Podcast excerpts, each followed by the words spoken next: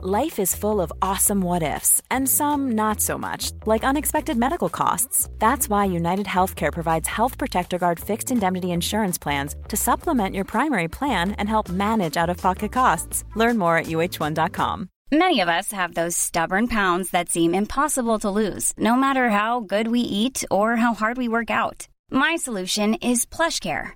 PlushCare is a leading telehealth provider with doctors who are there for you day and night to partner with you in your weight loss journey. They can prescribe FDA-approved weight loss medications like Wagovi and Zepbound for those who qualify. Plus, they accept most insurance plans. To get started, visit plushcare.com slash weight loss. That's plushcare.com slash weight loss. There's never been a faster or easier way to start your weight loss journey than with PlushCare. PlushCare accepts most insurance plans and gives you online access to board-certified physicians who can prescribe FDA-approved weight loss medications like Wigovi and Zepbound for those who qualify. Take charge of your health and speak with a board-certified physician about a weight loss plan that's right for you. Get started today at plushcare.com slash weight loss. That's plushcare.com slash weight loss. plushcare.com slash weight loss.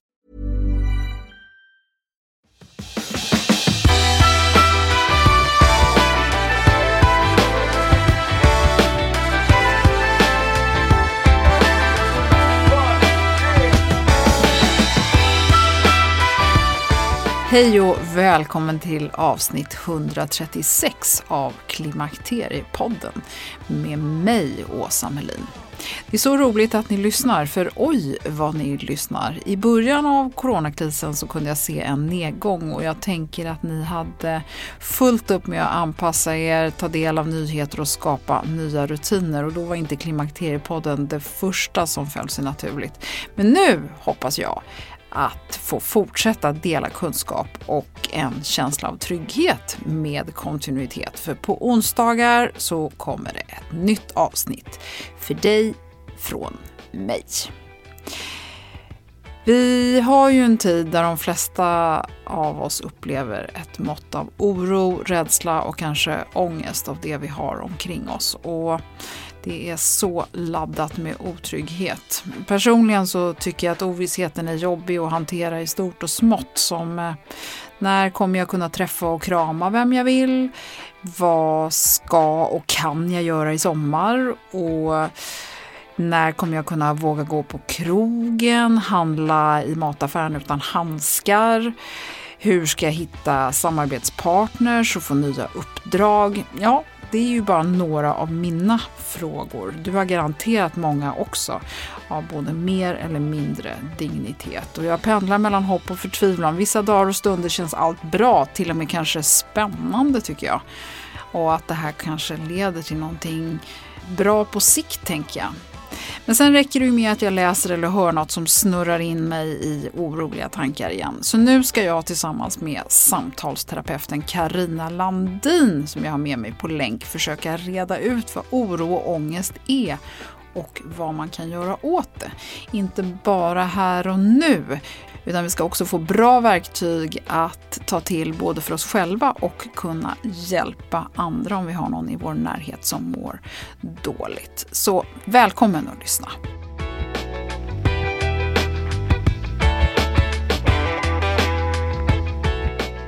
Karina Landin, hjärtligt välkommen till Klimakteriepodden. Tack, jättetrevligt att få vara med. Ja, du är samtalsterapeut och eh, legitimerad arbetsterapeut med schematerapi och anknytning som specialitet får man säga och du jobbar mycket åt KBT-hållet, säger man så? Ja, men det stämmer väl. Det är en bra inringning av en stor helhet. Ja, mm. och du jobbar ju både på en egen klinik på Strandvägen i Stockholm och så jobbar du på Her Care. Berätta, vad, vad, vad jobbar du med? Jag jobbar ju 50% på kliniken Her Care och där jobbar vi ju uteslutande med kvinnohälsa ur ett helhetsperspektiv. Och ett fantastiskt team som sitter där och verkligen jobbar för, för kvinnor.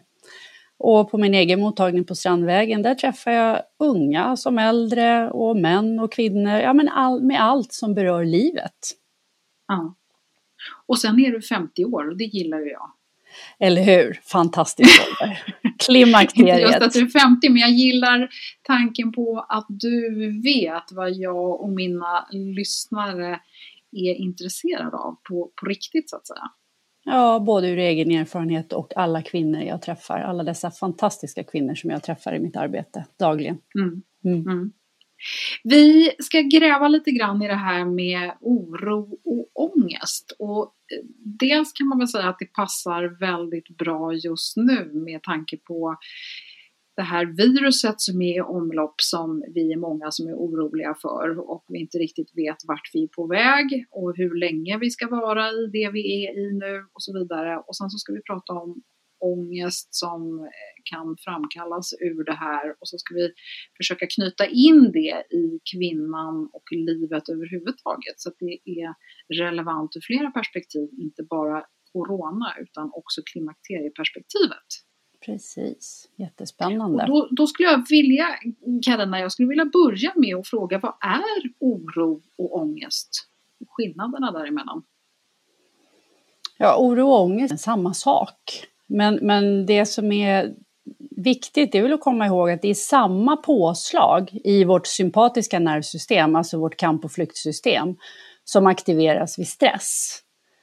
Eh, men ångest är ju inget tecken på egentligen att någonting är fel på dig, utan det är ju en signal eller en reaktion på att man skräms av något och egentligen att vi behöver liksom agera. Eh, men vi är lite för smarta för våra egna hjärnor idag. För om man går tillbaks till slätten så fanns ju inte det här begreppet tänk om. För våra hjärnor förstår ju inte liksom en oro om framtiden eller ordet tänk om som någonting som faktiskt ligger längre fram, alltså imorgon eller om en månad, utan det skapar ju ett påslag varje gång som vi är där och oroar oss, precis som vid ett stresspåslag, för hjärnan kan inte förstå skillnaden. Och den här överlevnadsstrategin, den kommer ju från slätten, alltså ångest och oro. För där var det ju att bli lämnad ensam, eh, det betydde ju att vi överlevde ju inte. Så att egentligen vad som helst som hotar den här känslan av delaktighet och tillhörighet och samhörighet med andra människor, det leder till ångest. Så tankar eller känslor av att bli ja, men att lämna eller bli lämnad, alltså oavsett sammanhang. Alltså det är arbete eller barnen flyttar, vänner, relationer, ja det leder till de här, den här typen av känslor. Så förändring kan, men alltså också bör, skapa ångest. Så ångest och oro, det är egentligen normalt och tillhör en av våra grundkänslor. Men sen finns det ju många faktorer som, och omständigheter, alltså våra livsscheman, mönster eh, från uppväxt eller det bagaget som jag haft med mig som påverkar naturligtvis otroligt mycket hur jag förhåller mig till de här tankarna och känslorna. Och sen så finns det också en känslighet för ångest som har en genetisk påverkan. Och sen så sa ju du vid något tillfälle, Åsa, det här med fuskångest och jag tyckte det var jätteroligt. Men det, mm. det är också en form av ångest, men det är ju någonting som vi ofta skapar själva genom att dricka alkohol eh, eller äta dålig mat. Eh, det blir ju ångest eh, av sådana saker. Hur känner man igen ångest? För att jag, jag vet inte riktigt om jag har helt klart för mig vad ångest, så att säga, vad, hur, hur, vad händer i kroppen? Vad, vad är de fysiska tecknen på att man har ångest? Oj, det där är ju det är en jättesvår fråga egentligen, men oftast så är det liksom andningen är ju det första, det är ju som egentligen nyckeln till en fortsatt kedjereaktion av både fysiska och psykiska symptom. Men vi är ju inte medvetna om att vi låser andningen. Men det som sker det är att när vi låser andningen så blir det också en obalans i, i koldioxid och syrebalansen. Vilket gör att det skapar ju också ett påslag i kroppen som sker när vi låser andningen. Och där kommer den här kedjereaktionen. Så när, vi, när det börjar krypa på, alltså man kan bli varm eller kall eller man kan känna sig skakig, alltså hårda hjärtslag, ökad puls, man kan bli yr, den här tyngden, trycket över bröstet, torr i munnen, kissenödig. Och det kan ju till och med bli de här stickningarna och domningarna i händer och fötter efter och sen det här klassiska, alltså rusande tankar. Eh, och svag i musklerna, eller så kan det bara vara liksom ett stort obehag. Och ångest är ju lite, alltså den kan ju vara väldigt svag för att långsamt accelerera, eller så kan den komma jättesnabbt. Och det kan ju kännas som att man ska svimma eller tappa kontrollen eller till och med dö. Men reaktionen är ju inte farlig egentligen. Och ofta så går ju ångest över av sig själv. Ångest är ju mer en stark känsla. Alltså den är starkare än oro. Oro kan leda till ångest. Att oroa oss är väl eh, ganska normalt eh, om man gör det på ett sunt sätt. Men ångest blir, mycket oro leder till ångest. Och kan man så att det finns några vanliga sätt att reagera på just det här med osäkerhet och oro som finns runt omkring oss idag som är mer, det är ju ingenting som har med mig att göra utan det har med saker som händer runt omkring oss fullständigt utan vår kontroll att göra. Ja, ja vi, vi är ju i en väldigt konstig situation egentligen i dagsläget men det blir ju också en, en kollektiv oro Eh, som vi alla blir påverkade av, både medvetet och omedvetet tror jag. Och mår man dåligt, då förvärras ju ofta situationen i tiderna som vi har just nu. Men i dagens läge så är det ju egentligen, tycker jag, tre faktorer som är avgörande. Och det är ju det är ovissheten, och det är tidsperspektivet och det är oförutsägbarheten.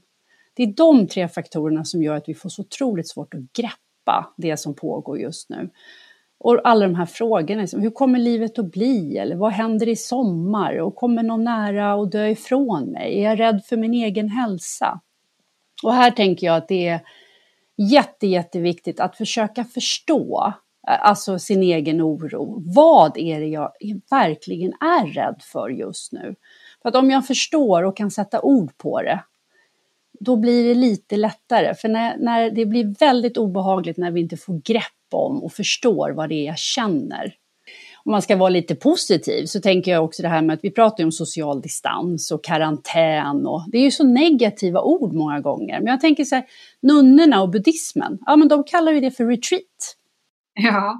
Så jag, jag tänker att, tänk om vi kan, trots de här svårigheterna som ändå finns just nu, och så öppna upp för att se att det kanske eventuellt finns möjligheter också i den här tiden.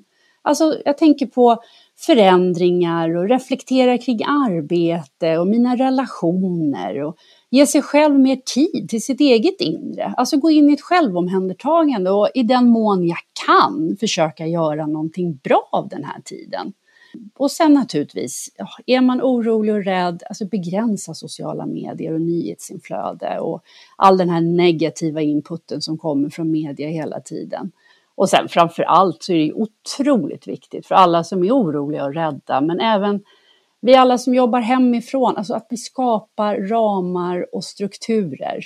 Eh, så att, för det blir en form av trygghet också. Och om man går tillbaka till oro och ångest och man ser ut lite mer långsiktigt perspektiv, vad kan hända om man, man lever med det långvarigt? Ja, då blir vi ju vi blir otroligt mycket mer känsligare för stress. Vi blir mer rastlösa och det blir mycket svårare att komma ner i varv och det blir mycket mer rusande tankar. Vi kan bli otåliga, lättirriterade och det leder ju också till sömnsvårigheter på sikt. Och hur reder man ut vad som oroar en då? Och är det överhuvudtaget viktigt att veta vad, vad roten till det är? Jo, men det tycker jag. Alltså reda ut vad som oroar en och att det är viktigt att rama in det, det tycker jag nog. För att vi är inte våra tankar. Men mina tankar blir ju min sanning till slut. Så genom att ta reda på vad jag tänker och ifrågasätta mina tankar, det är ju ett steg på vägen. Och samtidigt så vill vi ju förstå varför vi känner som vi gör. Hjärnan vill ju ha en förklaring.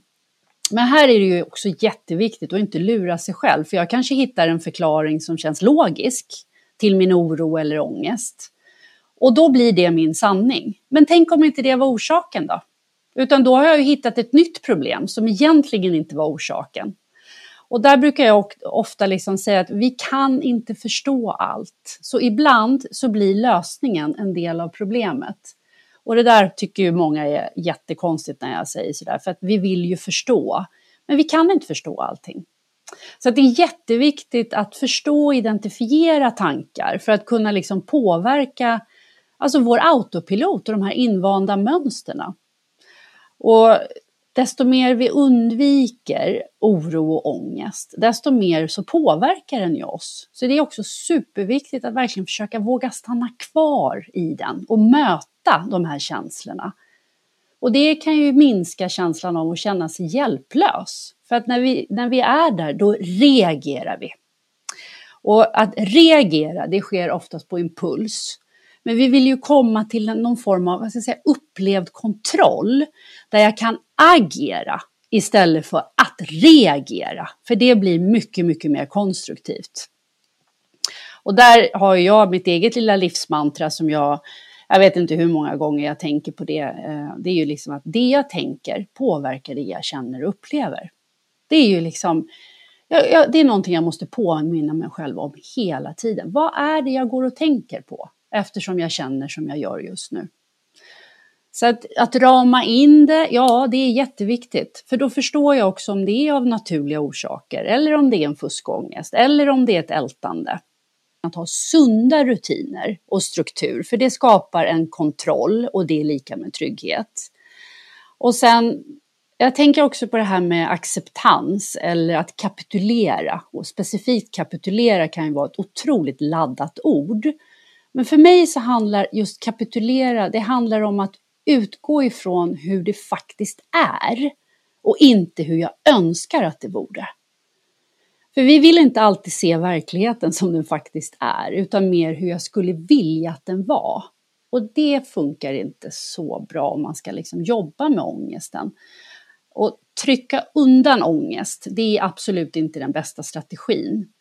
Men samtidigt så är det ju inte konstigt att vi gör det, för den är ju obehaglig. Och allt som är obehagligt så försöker vi undvika det av naturen. Och det är ju därför vi alltid är kvar i samma mönster, trots att vi vet att det kanske inte är det bästa för oss. Så det är så otroligt viktigt på att träna på att stå ut. Eh, och stå ut, det är ingen negativ känsla, för att vi står ut, vi ger inte upp. Och det är ju nästa steg. Så att ibland att liksom träna på just att bara stå ut och vara i jobbiga känslor, det är jätte, jätteviktigt.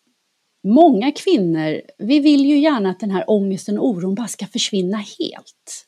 Mm. Och, och trots att jag har verktyg och jag jobbar verkligen för att, bli av med de här känslorna så, så hör jag ju ofta, och inklusive, men, men det är kvar, det fungerar inte. Och här så tror jag att, liksom att förväntningarna, de krockar med verkligheten. För att i grund och botten så handlar ju oro och ångest, det, handlar inte, det, det går ju inte att få bort för alltid. Utan det handlar ju om alltid att ha i åtanke att det, grunden är alltid att minska intensiteten i det jag upplever för att kunna lättare kunna förhålla mig till det jag tänker och känner för att hantera ångesten. Inte få det att försvinna helt. Så att vid varje tillfälle, om jag jobbar aktivt med att lugna ner kroppen, sortera tankarna, ja då har jag ett bättre utgångsläge. Och att allt jag gör, det är jätteviktigt att komma ihåg, allt jag gör gör skillnad. Det är de små sakerna i vardagen som gör skillnad. Och när vi har eh, oro och ångest så det blir ju som ett stresspåslag för kroppen. Och det är ju någonting som gäller alla människor på den här planeten. Det är ju två förmågor som vi förlorar när vi går över vår egen stresströskel och den är ju också väldigt individuell. Det är ju logiken och empatin mot mig själv och andra.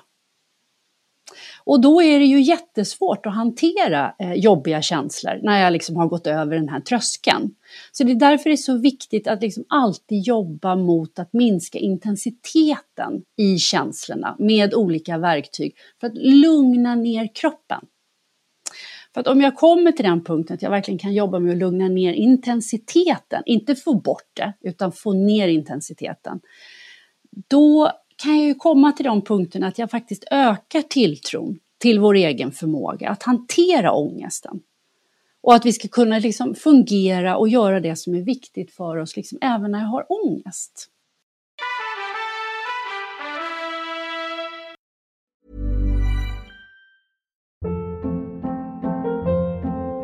Hold up. What was that? Boring. No flavor. That was as bad as those leftovers you ate all week. Kiki Palmer here, and it's time to say hello to something fresh and guilt-free. Hello Fresh. Jazz up dinner with pecan-crusted chicken or garlic butter shrimp scampi. Now that's music to my mouth. Hello Fresh. Let's get this dinner party started. Discover all the delicious possibilities at hellofresh.com.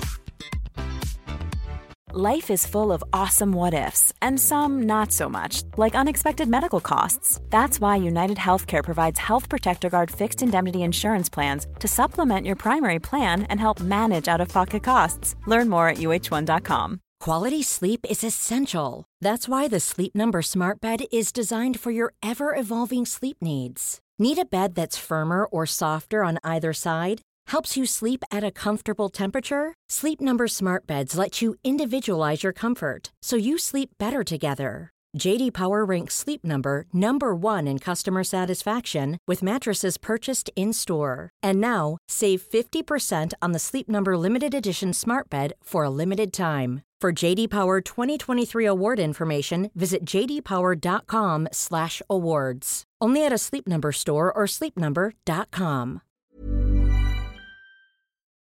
Det är härligt att klimakteriets tabu äntligen är på väg bort. Vill man försöka klara sig utan hormonbehandling så finns nu många nya kosttillskott som lovar bland annat hormonell balans och som ska stötta brister. Jag vill lyfta min räddare i nöden, Femarel. Det har inte bara varit min utan många andra kvinnors räddning i över 20 år. Och med lång tid på marknaden, med nöjda användare, dessutom med 20 forskningsstudier så vågar jag säga att det kan vara en god idé att prova Femarel. Femarel finns på apoteken och i hälsokostbutiker. Tack Femarel som varit min samarbetspartner i många år.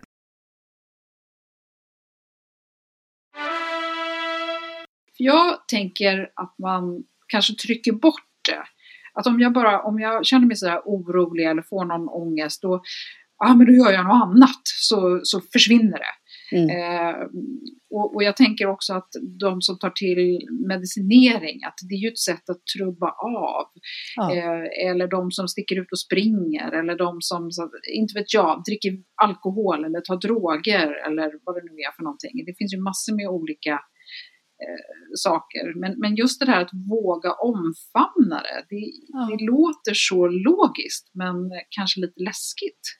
Men det är läskigt. Och det är ju, vi, vi flyr från allt som är obehagligt. Och ångest är obehagligt. Eh, och, men det är någon, någon, ångest är normalt. Alltså, det är jättejobbigt att ha ångest, men det är också en normal känsla.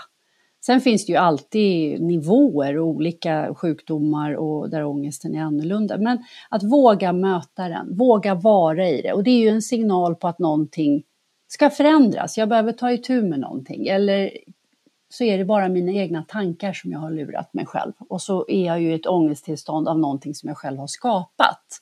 Av negativa mönster eller tankar som blir rusande, katastroftankar eller eh, mönster från tidigare kan vara svartsjuka. Alltså det spelar ingen roll vad det är för någonting. Vi kan ju jaga upp oss själva hur, hur mycket som helst.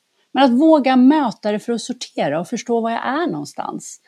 Men om jag också lever väldigt länge med ångest och oro eh, så blir ju det eh, normalt. Och jag brukar tänka på det här, det blir ju en destruktiv trygghet. Eh, och trygghet är ju absolut det mest primära som vi behöver i våra liv. Det är ju liksom en grundläggande känsla som vi alla eftersträvar. Och när jag mår dåligt under långa perioder eller har ångest eller andra orsaker så blir ju det också en trygghet. Jag vet hur det känns, jag vet hur jag mår, jag vet hur jag förhåller mig till mig själv, till andra och så vidare. Och det blir ju en trygghet, men den är också destruktiv, för det är ju egentligen inte där jag, jag ska vara eller egentligen vill vara.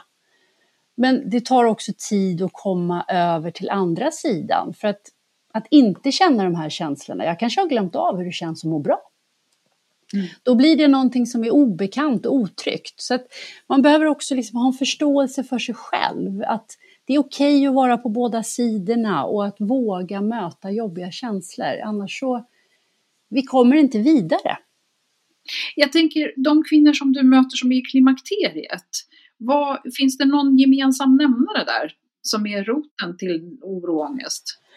Ja, men det tycker jag ju. Ehm, det tycker jag faktiskt. Alltså just i klimakteriet så är ju det de här, så själva grunden, att ha en, en, en hormonell balans och att signalsubstanser är balanserade och ha liksom näring och ja, men, näring, kost, sömn och balans mellan aktivitet och vila och naturligtvis stress. Det är ju liksom basen eh, att verkligen, och inte bara i klimakteriet, men specifikt i klimakteriet skulle jag vilja säga, och i förklimakteriet. Men allt, när man har obalans i de här sakerna så är det klart att det blir ju en påverkan på ångest och oro. Så det är ju faktorer som är jätteviktiga att få koll på. Så liksom verkligen ta hjälp eh, om man mår dåligt, för vi ska inte behöva må dåligt och lida i klimakteriet. Och jag, alltså där, jag, det brukar jag skoja ibland med, med många kvinnor och det har ju jag också. Alltså vi kvinnor har för många osynliga diplom hemma som vi tapetserar våra väggar med som säger liksom teg och led. Eh, men det är liksom ingen som ser de här diplomen och applåderar. Det finns hjälp att få, det finns jättemycket att göra.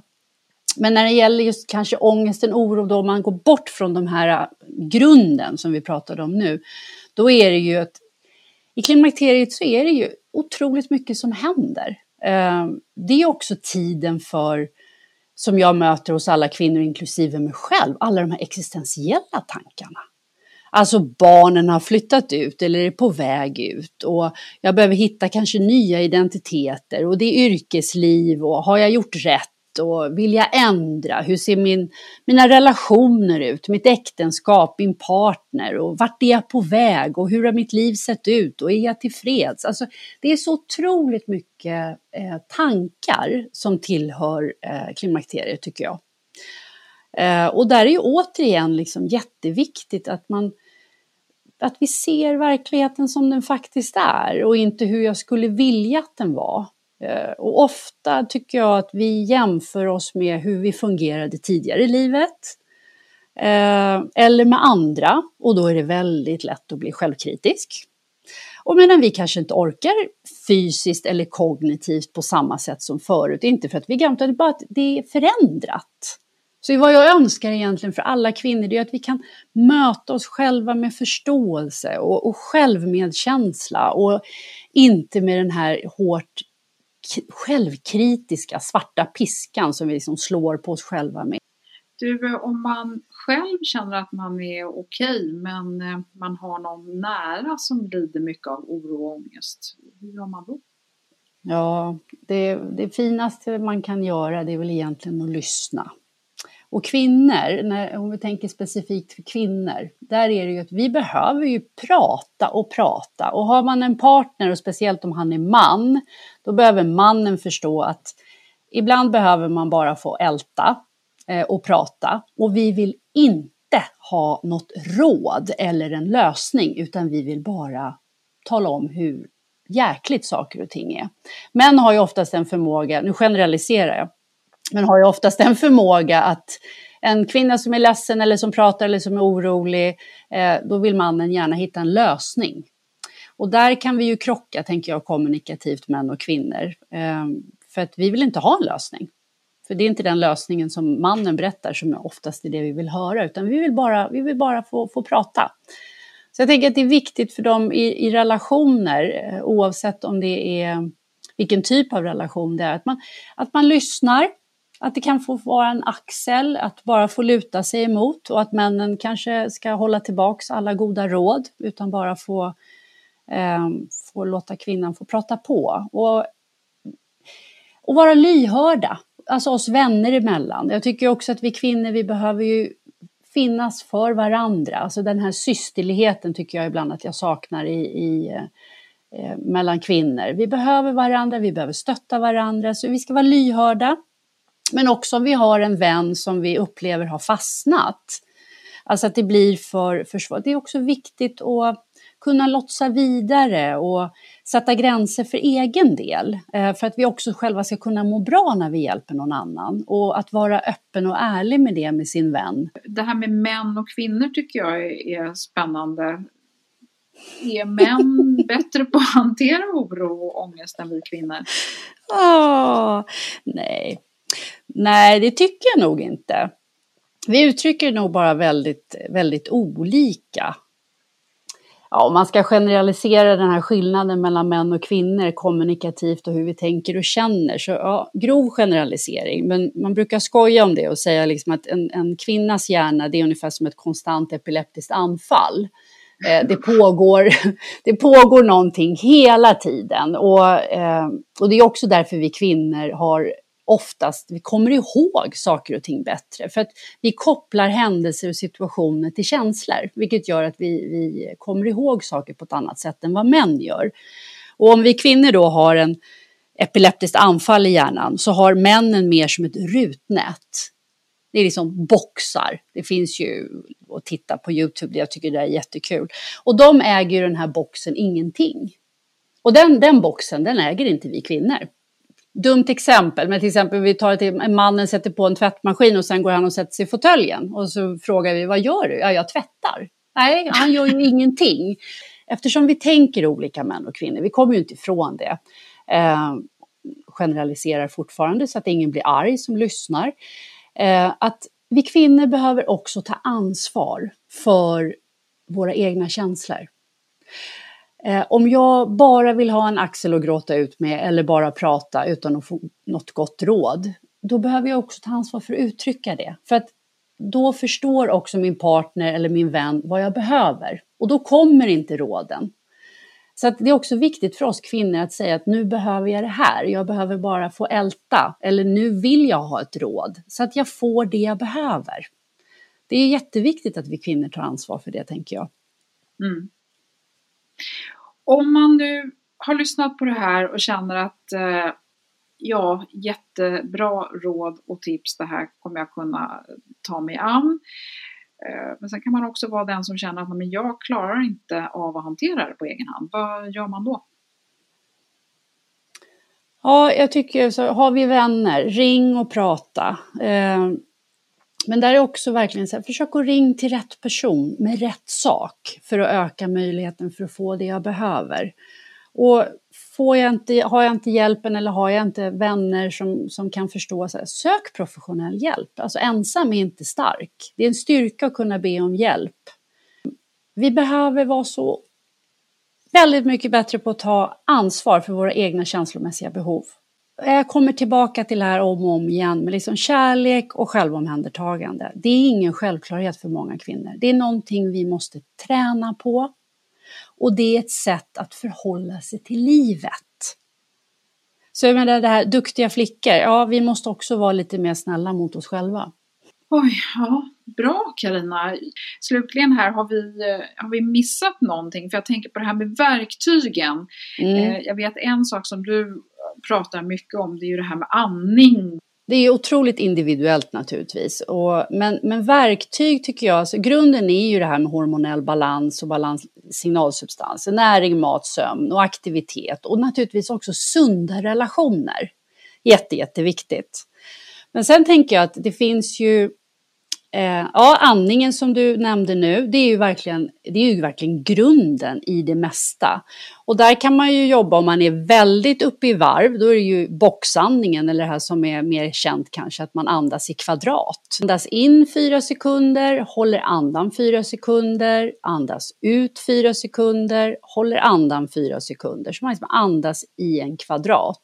Den är jätte, jättebra att ta till när man är alltså, väldigt uppe i eh, ja, starka känslor. Då tar man liksom kontrollen över andningen så att den inte accelererar vidare. Inte att det ska försvinna, utan att jag bryter. Och när jag tar kontroll över den formen av andning, då kan jag gå över på 4, 7, 8 som är en annan andningsövning. Och den är mycket, mycket mer lugnande för systemet. Så den går in och aktivt lugnar det sympatiska nervsystemet. Och samtidigt så stretchar den diafragman, så det blir liksom two in one på den andningsövningen. För när vi har mycket ångest, mycket stress, så blir diafragman blir hård och rigid. Vilket gör att jag får liksom inte ner så mycket syre som jag skulle kunna få. Så 4, 7, 8 är fantastisk för den stretchar. Man andas in kraftigt genom näsan i fyra sekunder och håller andan i sju sekunder och så blåser man ut åtta sekunder genom munnen med visst motstånd. Och här kan man känna sig lite yr ibland när man gör den där, men det är bara ett tecken på att jag har syrebrist, så det är bara bra. Så den är fantastisk tycker jag. De, det är liksom två, eh, det är grunden, alltså själva andningen.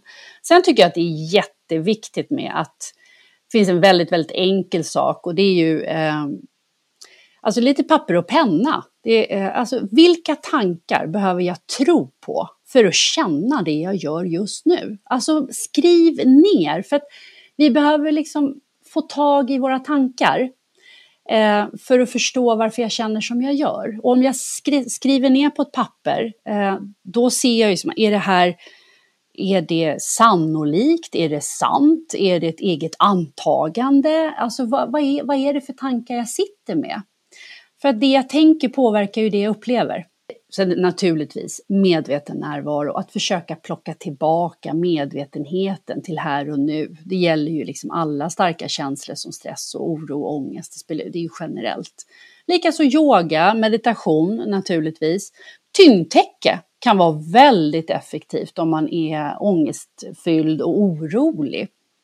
Det är många som sover väldigt mycket bättre under ett tyngdtäcke. Eh, även vila på dagen, eh, att bara lägga sig eh, och få tyngdtäcket över lugnar aktiviteten i sympatiska nervsystemet. Sen finns det ju tapping, det är ju verkligen så här själv till självhjälp. Jag ska inte gå in så mycket på vad det är för någonting, men man knackar på olika akupunktur, akupressur och eh, lymfpunkter i kroppen.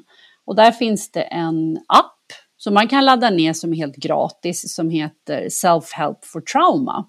Och där är många som upplever en, eh, en väldigt positiv effekt både på ångest och stress. Eh, sen tänker jag distraktionstekniker. Alltså allt som gör att jag kan bryta alltså tankeförloppet.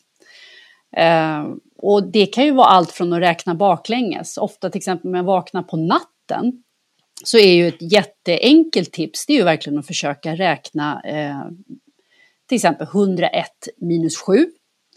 Vad blir det? Mm, och så minus 7 igen och minus 7 igen. Och för de flesta, alltså vi kommer kanske bara eh, tre, fyra gånger och sen har jag somnat om. För att alltså, tankarna får inte en chans att vandra vidare. Eller att man går ut på en promenad och beskriver liksom tyst för sig själv allting jag ser istället för att jag låter tankarna bara vandra. Det är också ett sätt att liksom plocka tillbaks medvetenheten. Eller blunda och lyssna enbart på ljud. Alltså allting som, som gör att jag liksom bryter. Sen tänker jag också på den här enminutsregeln. Den, den använder jag ju själv väldigt mycket. Och det är ju liksom att jag ger mig själv en minut och tänker på det som jag håller på och ältar förmodligen. Och efter en minut, om jag har kommit fram till, liksom, är det någonting jag kan göra för att lösa det här? Ja, okej, okay. i så fall, ja, men då går jag in och skriver in det i almanackan. Eh, när jag kan göra någonting åt det och i så fall vad. Och om det inte går att lösa, ja då är det ju ett ältande som inte leder någonstans. Och då behöver jag ju verkligen träna på att släppa taget. Och då kommer vi tillbaks till det här som vi har pratat om tidigare, att hjälpa kroppen att minska intensiteten i det jag upplever och känner, använda de här olika teknikerna för att lugna ner kroppen. Att ha som krycka, det är faktiskt också GABA och tianin, för det är också saker som kan hjälpa att eh, lugna ner kroppen. Det är ju inget läkemedel, utan det är ju GABA är ju en naturlig signalsubstans som är som en broms för kroppen och det är ingenting man blir trött av utan det lugnar ner aktiviteten i sympatiska nervsystemet som man kan ta för att hjälpa, hjälpa kroppen. Den fungerar mm. jätte, jättebra. Men sen måste vi också komma ihåg att allting är ju individuellt vad som funkar. Det viktigaste är ju det att aldrig ge upp. Alltså till slut så hittar vi ju verktyg som hjälper oss att minska den här intensiteten i det vi upplever. Men jag skulle också vilja säga att liksom, ja, men livet är ingen tebjudning, utan det är precis som det ska. Det är upp och ner och vi behöver liksom träna på att förhålla oss till det. Mm. Bra. Tusen tack Karina. Ja, men det är jag som ska tacka för att jag får vara med och jag får ju tacka alla mina fantastiska klienter som jag träffar. Och, för det är också viktigt att och liksom ändå avsluta med att det här är ju mina personliga erfarenheter och utifrån det som jag möter i min vardag som jag pratar. Så det har varit jättekul att få vara med här Åsa. Jag ser fram emot att dela det här avsnittet med mina lyssnare. Tack snälla Åsa för att jag fick vara med.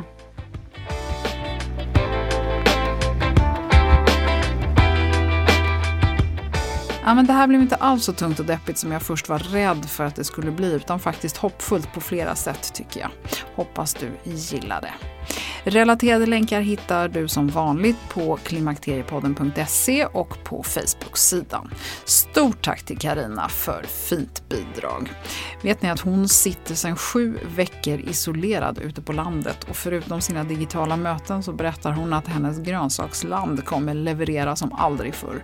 Så inget ont som inte har något gott med sig. Och på tal om gott, jo, att coronakilon blivit ett begrepp är kanske inte jättekonstigt men men nyligen så kunde vi också höra att svenskar i genomsnitt blivit 5,5 kilo tyngre sedan mitten av 90-talet.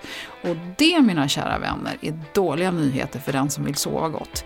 I nästa avsnitt så får du höra allt om kopplingen mellan viktökning, aptit och sömnproblem. Hua! Sömnforskaren Christian Benedikt är med. Tills dess så hoppas jag att du sköter om dig och tackar för att du har lyssnat idag. Och så hoppas jag att du är snart med igen.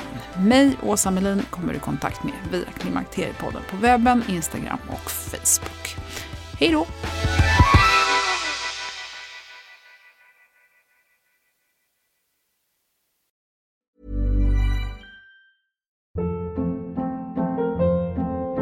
Hold up. What was that? Boring. No flavor. That was as bad as those leftovers you ate all week. Kiki Palmer here, and it's time to say hello to something fresh and guilt-free. Hello Fresh. Jazz up dinner with pecan-crusted chicken or garlic butter shrimp scampi. Now that's music to my mouth. Hello Fresh. Let's get this dinner party started. Discover all the delicious possibilities at hellofresh.com.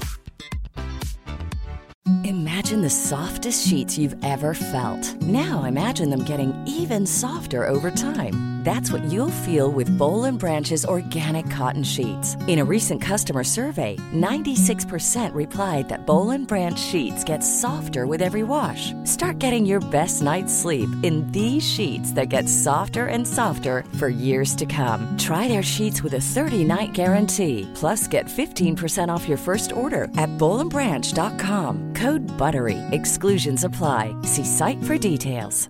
Even when we're on a budget, we still deserve nice things. Quince is a place to scoop up stunning high-end goods for 50 to 80% less than similar brands. They have buttery soft cashmere sweaters starting at $50, luxurious Italian leather bags, and so much more. Plus, Quince only works with factories that use safe, ethical, and responsible manufacturing. Get the high-end goods you'll love without the high price tag with Quince. Go to quince.com/style for free shipping and 365-day returns.